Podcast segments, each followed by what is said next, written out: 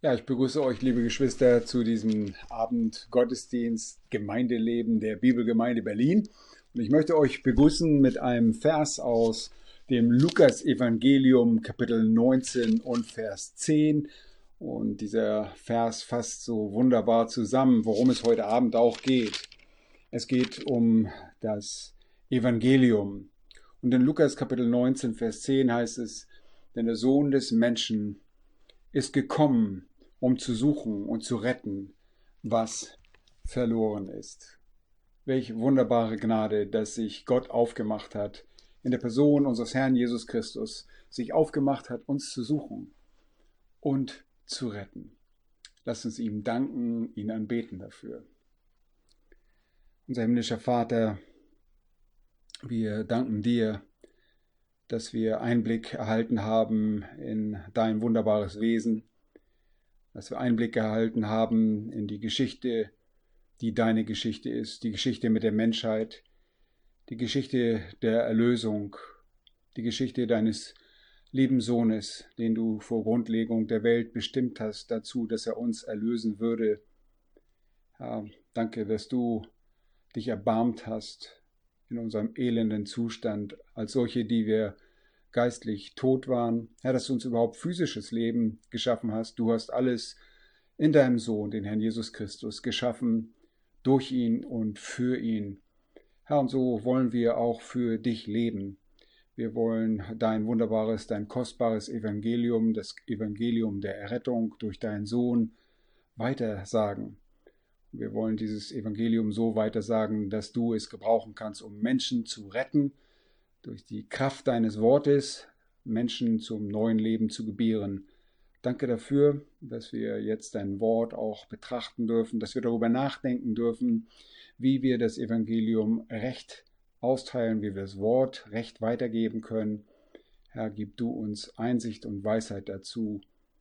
Erquicke unser Herzen und das um deines Namens willen. Amen. Ja, wir kommen heute Abend zu dem letzten Teil dieser kleinen Miniserie reiner oder gefälschter Wirkstoff. Und die Frage ist, welches Evangelium verkündigst du? Und wir kommen zu dem Aufruf, der bei der Verkündigung der rettenden Botschaft einfach nicht fehlen darf. Es reicht nicht aus, indem wir nur Dinge vortragen, sondern wir müssen es zum Höhepunkt bringen und den Menschen zu einer Entscheidung herausrufen und herausfordern.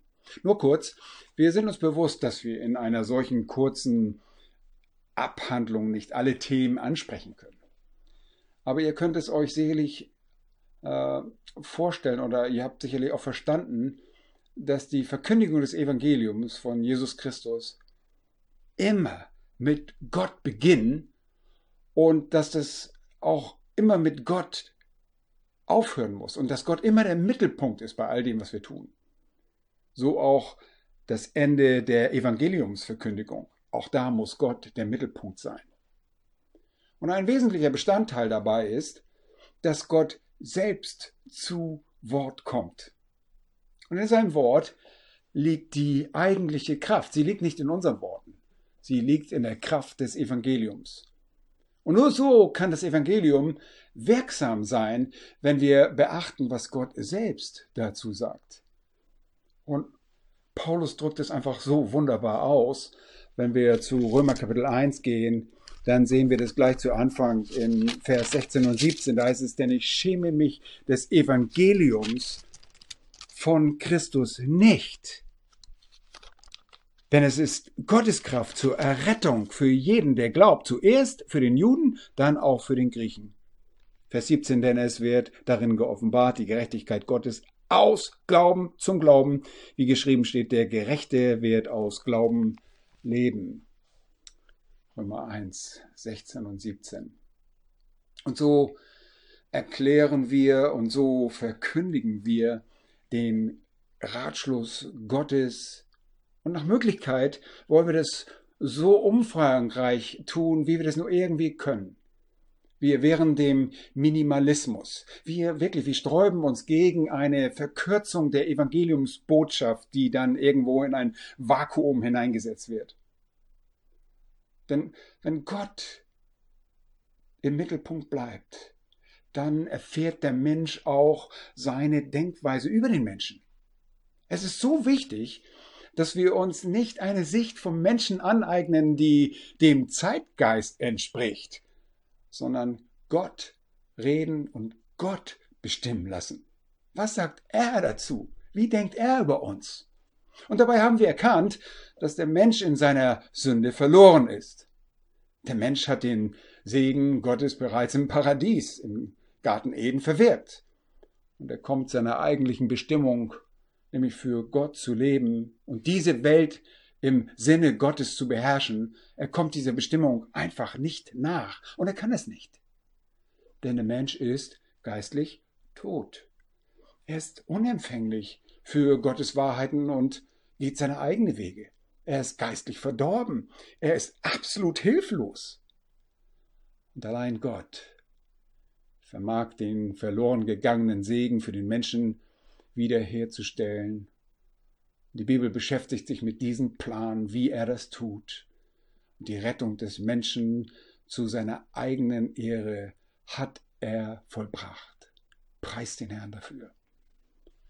Und wir haben deshalb auch festgestellt, dass der sündige Mensch einen Mittler braucht, weil er eben so verdorben ist, weil er tot ist.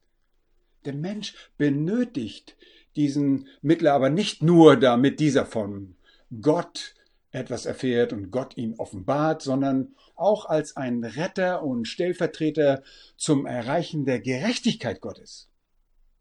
Denn ohne diese Gerechtigkeit wird niemand Gott sehen, sondern in der ewigen Verdammnis enden.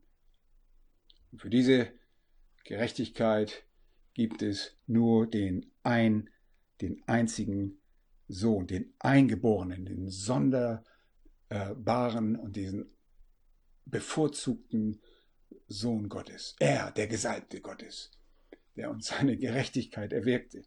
Und dieses Erreichen der Gerechtigkeit ging nur durch sein Leben, seinen Tod und seine Auferstehung, indem er den heiligen Zorn Gottes, den er, äh, der wirklich jedem Sünder gilt, an Stelle der Gläubigen stellvertretend Genugtuung tat. Und so ist er der Retter der Gläubigen, er, der rechtfertigt, der uns gerecht gesprochen hat, die, äh, alle die, die an ihn glauben. Und Jesus ist der, dem der Mensch sich unterwerfen muss. Warum? Und das haben wir gesehen. Er ist der Herr, er ist der Herrscher, er ist Besitzer aller Dinge und alle Dinge wurden durch ihn und für ihn geschaffen. Ist nicht für uns, sondern primär geht es um ihn. Der Mensch kann sich nur nach ihm ausstrecken und deshalb auch um Barmherzigkeit ihn anflehen. Und wir wollen uns jetzt dem Aufruf an den Menschen zuwenden. Und Daniel hat dafür einen sehr guten Vorschlag gemacht in der vergangenen Woche. Und ich versuche das äh, in würdiger Weise zu repräsentieren. Er ist im Urlaub und er hat an die drei lateinischen reformatorischen Begrifflichkeiten erinnert, deren Inhalte für die Rechtfertigung des Menschen notwendig sind. Und diese Begriffe sind notitia, ascensus und fiducia. Und ich erkläre diese Worte noch keine Angst. Daniel hat auf die Vorgehensweise auch gleichzeitig auf die Vorgehensweise Jesu in dem Aufruf des Evangeliums hingewiesen, denn wir können beim Aufruf am besten von Jesus selbst lernen. Wie hat er es gemacht? Bei alledem müssen wir uns bewusst werden, dass wir nicht Staubsaugervertreter sind oder Verkäufer äh, an den Haustüren der Menschen, sondern Botschafter Christi. Wir sind sein Sprachrohr, wir vertreten seine Interessen. Wir versuchen nicht ein Produkt an den Mann zu bringen, nicht irgendwie manipulativ zu wirken, sondern es dem Herrn gleich zu tun und das Wort zu sprechen das Wort sprechen zu lassen. Äh, wenn er sprach, war es das Wort Gottes. Wir nehmen dieses Wort und lassen es sprechen. Und das in aller Ernsthaftigkeit. Und das können wir in Johannes 6 ganz besonders gut beobachten. Als Jesus zunächst äh, Menschen speist, wir haben dort die Speisung der 5000, äh, die wir auch im Markus-Evangelium gesehen haben, aber hier sind Worte, die Jesus im Anschluss an das Wunder und in diesem Zusammenhang lehrte. Äh, Worte, die wir im Markus-Evangelium nicht haben, aber die uns hier äh, ergänzt werden, wie wir so oft auch, auch tun und die Synoptiker befragen und schauen, was noch stattfand. Und die Menschenmengen suchten ihn aufgrund der Brote. Und Jesus sagt ihnen, sie bräuchten ewiges Leben. Schaut einmal in Vers 27. Da heißt es, wirkt nicht für die Speise, die vergänglich ist, sondern für die Speise, die bis ins ewige Leben bleibt, die der Sohn des Menschen euch geben wird, denn diesen hat Gott der Vater bestätigt. Ein wunderbarer Vers dort. Er weist deutlich darauf hin, dass es um das ewige Leben geht. Und in Vers 28 dann, da fragen sie ihn. Schaut einmal auf die Frage das. Was sollen wir tun? Was sollen wir tun? Wenn wir mit Leuten sprechen, dann stellen sie diese Frage, was sollen wir tun? Sie fragen das heute noch. Was sollen wir tun?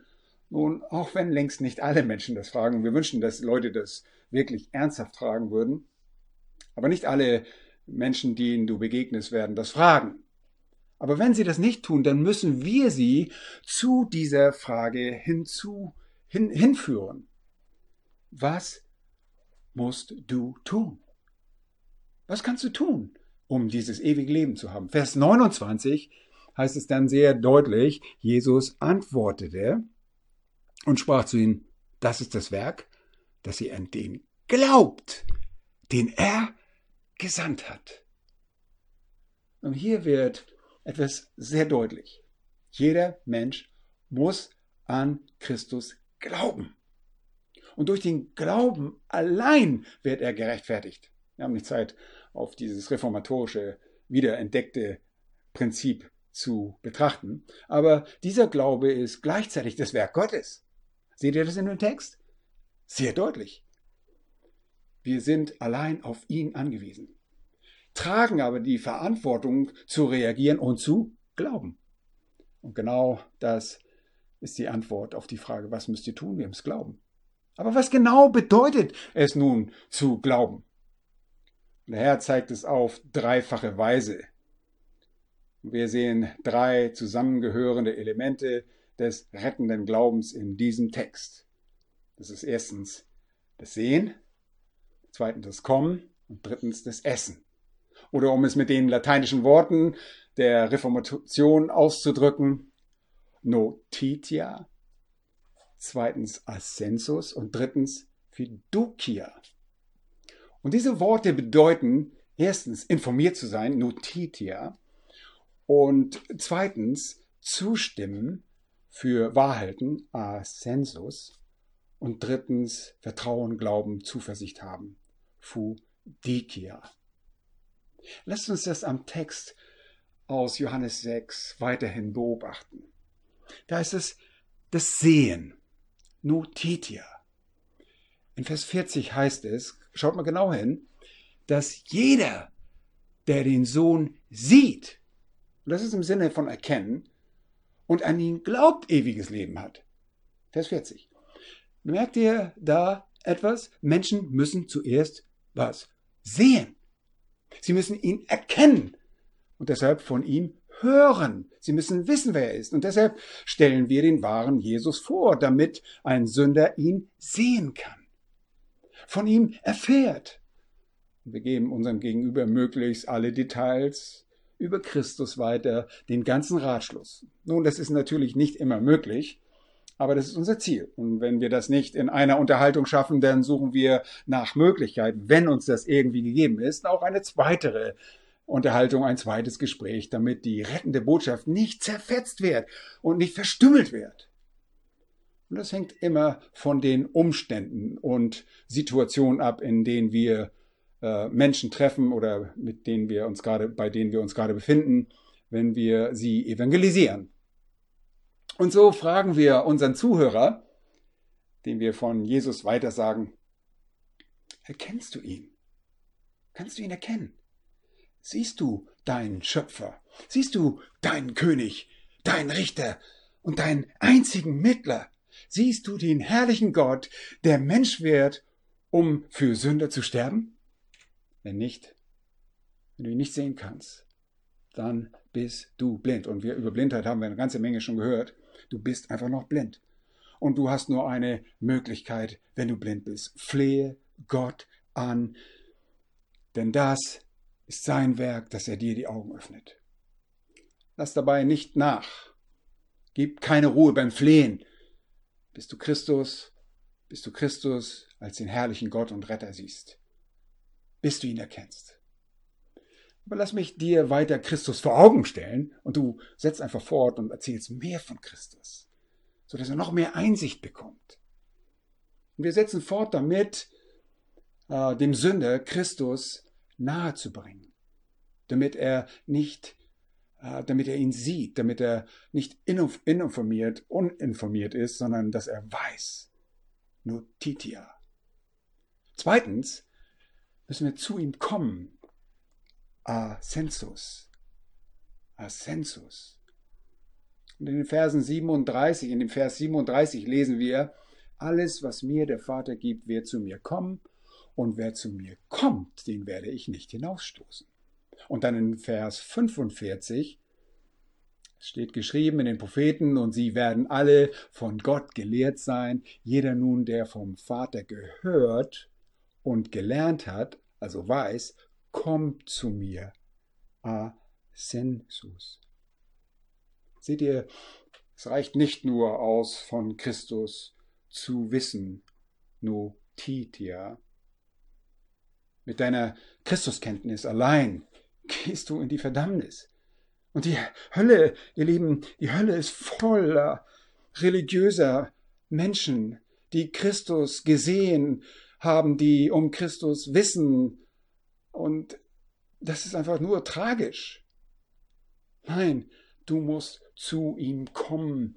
Du musst dich ihm nähern. Und das heißt nicht, dass du dafür immer in eine Kirche gehen musst oder dass du äh, an einen religiösen Wallfahrtort, äh, Wallfahrtort aufsuchen musst, sondern dass du mit deinem Herzen zu ihm kommen musst. Und den Dingen, die du über ihn als Wahrheit erfährst, musst du zustimmen. Das ist der Punkt von Ascensus. Der Herr ist nur ein Gebet weit entfernt. Ruf ihn an. Ruf ihn um Erbarm an. Erbarme dich, Herr. Ruf ihn so an, denn er ist nur eine Antwort, Anruf weit entfernt. Tu das, selbst wenn du ihn nicht klar erkennst. Der Herr sagt nicht irgendwie, bleibt da, wo ihr seid, ich werde euch erquicken. Er sagt, was? Kommt her zu mir alle ihr mühseligen, die ihr mühselig beladen seid. Und ferner müsstet ihr auch die Kosten des, äh, der Nachfolge, des zu Christus kommen kennen. Und ihr müsst diese Kosten der Nachfolge erwägen. Mit anderen Worten, du musst dem Herrn zustimmen, seine Worte als richtig und korrekt ansehen, aber selbst, und hört gut zu, selbst der erkennende Glaube, der Menschen zu Gott zieht, ist allein noch unzureichend. Selbst die Dämonen glauben, so sagt Jakobus, und zittern. Das Informiertsein und selbst das für Wahrhalten ist ungenügend für deine Errettung. Du musst drittens, und dieser Text drückt es so aus, du musst essen. Das ist Fidukia. Fidukia. In Vers 54 Essen heißt nicht Fidukia, sondern das ist der äh, analoge und gleichbedeutende Sinn. In Vers 54 sagt Jesus dann, wer mein Wort Fleisch, wer mein äh, Fleisch isst und mein Wort trinkt, der hat ewiges Leben. Und Jesus ist das Brot vom Himmel, das uns in Ewigkeit sättigt. Jesus schenkt ewiges Leben. Wie aber sollst du ihn essen? Es bedeutet für dich, dass du dich ihm vertrauensvoll hingibst, dass du glaubst. Da ist es Vers 47. Wahrlich, wahrlich, Ich sage euch, wer an mich glaubt, der hat ewiges Leben. Und Vers 51, wann, wenn jemand von diesem Brot isst, so wird er leben in Ewigkeit. Du kannst nicht mit Hilfe von Jesus gerettet werden, du kannst nur in ihm gerettet werden. Du musst Teil von ihm werden. Und er muss Teil von dir werden. Du musst mit Christus vereint werden. Oder sein Zorn trifft dich. Deshalb benutzt Jesus diese Art von Sprache, um deutlich aufzuzeigen, dass die Informationen über ihn und der Glaube, dass diese Dinge richtig sind, so allein nicht ausreichen. Du musst umkehren von deinem eigenen Denken und von deinem äh, selbstbestimmten Leben, dich lossagen und dich ihm ganz anvertrauen, ihm ganz ergeben. Ihr Lieben, das allein ist rettender Glaube. Und bevor er sich mit dir vereint, bevor Christus sich mit dir vereint, musst du mit Gott versöhnt werden, denn du bist in Feindschaft mit Gott. Und deshalb frage dein Gegenüber, wenn du ein Gespräch mit ihm führst, siehst du deine Schuld vor Gott? Du kannst nichts tun, um deine Schuld zu rechtfertigen. Und du kannst deine Übertretung nicht gut machen und dein Herz kannst du auch nicht verbessern. Du brauchst einen Stellvertreter, der für dich deine Sünde bezahlt und der für dich ein gerechtes Leben lebt. Und das hat er gelebt. Sieh auf Jesus, dein Retter. Er ist der, der Gerechte, der für die Ungerechten starb, auf dass wir die Gerechtigkeit erlangen, die vor dem Vater Bestand hat. Nur durch ihn musst du mit Gott versöhnt werden. Klammer dich im, im Glauben an ihn. Gib dein Leben ohne Christus auf und vertraue ihm als deinen Herrn und König. Das ist für du, Kia. Eine absolute Hingabe. Und das sind alles Elemente, die nicht fehlen dürfen, wenn du in einem Gespräch mit einem Ungläubigen bist, mit einem Sünder. Der Sünder muss den Anspruch Gottes auf sein Leben kennen. Dass Gott ein Anrecht darauf hat, dass es ihm gehört. Er ist der Schöpfer aller Dinge. Er muss wissen, dass er seine Schuld bekennen und lassen muss. Er muss das tun, damit er der Bestimmung in seinem Leben, Gottes Bestimmung in seinem Leben gerecht wird und so auch Gott ehrt. In der Apostelgeschichte ist dieser wunderbare Vers, da heißt es, nun hat Gott zwar über die Zeiten der Unwissenheit hinweggesehen, jetzt aber gebietet er allen Menschen überall Buße zu tun. Es ist ein Gebieten. Es ist nicht nur ein, oh, wenn du willst, kannst du Jesus folgen, er wird dir ein tolles Leben geben, er wird. Nein, es ist, du bist ein Feind Gottes und du musst Buße tun. Apostelgeschichte 17, Vers 30 macht das so deutlich. Der Sünder muss Buße tun. Er muss umdenken und er muss glauben, damit der Zorn Gottes nicht über ihm bleibt. Es ist schrecklich, in die Hände des lebendigen Gottes zu fallen. Er ist ein zorniger Gott. Und da heißt es, wer an den Sohn glaubt, der hat ewiges Leben. Wer aber dem Sohn nicht glaubt, oder besser heißt, wer ihm nicht gehorcht, der wird das Leben nicht sehen, sondern der Zorn Gottes bleibt auf ihm. Johannes 3, 36. Ihr Lieben, wenn ihr in einem Gespräch seid, dann betet dafür, dass Gott wirkt, dass er Kraft seines Evangeliums Menschen überführt. Und lasst uns beten, dass wir das Evangelium und dessen Kraft äh, wirklich die Menschen gerettet werden, dass wir es in unverfälschter Art und Weise weitergeben. Er wird dann in seiner Souveränität retten, und zwar alle die, die zum ewigen Leben bestimmt sind. Das macht die Schrift so deutlich. Nun, mir ist bewusst, dass wir nicht alle Punkte hier ansprechen können. Und ich habe mir vorgenommen, in kommenden Wochen einige weitere kleinere äh, Videos zu produzieren, die ein paar Aspekte der Evangelisation betonen, auch ganz praktisch, wie wir ein Gespräch an, was mache ich bei bestimmten Fragen, die Leute haben. Und ich werde kurze, äh, und ich hoffe, dass mir die anderen Männer da auch beiseite stehen, dass wir kurze Antworten geben auf Fragen, die ihr habt und Fragen, die auch die Menschen haben, dass wir sehen, wie können wir einsteigen, wie ist es, äh, dass wir argumentieren. Ist es richtig, dass wir immer nur von der Bibel reden, wenn der Mensch doch gar nicht an die Bibel glaubt? Nun, eins der Prinzipien ist, Gott steht immer an erster Stelle. Er ist immer der Mittelpunkt. Das habt ihr gelernt. Und der Mensch ist so verdorben, dass wir nicht an seine Ratio appellieren können. Das Einzige, was ihn erwecken kann, ist das lebendige Wort Gottes. Das ist das Wort. Das ist die Kraft, die es den Toten Menschen auferwecken kann. Und so wurden wir auch wiedergeboren. Durch das Wort der Wahrheit wurden wir gezeugt. Deshalb wollen wir das Wort Gottes verkündigen, möglichst umfassend und umfangreich. Wir wollen ihm Christus, unseren Retter, vor Augen malen. Danke, Herr, dass du uns diesen Herrn Jesus geschickt hast.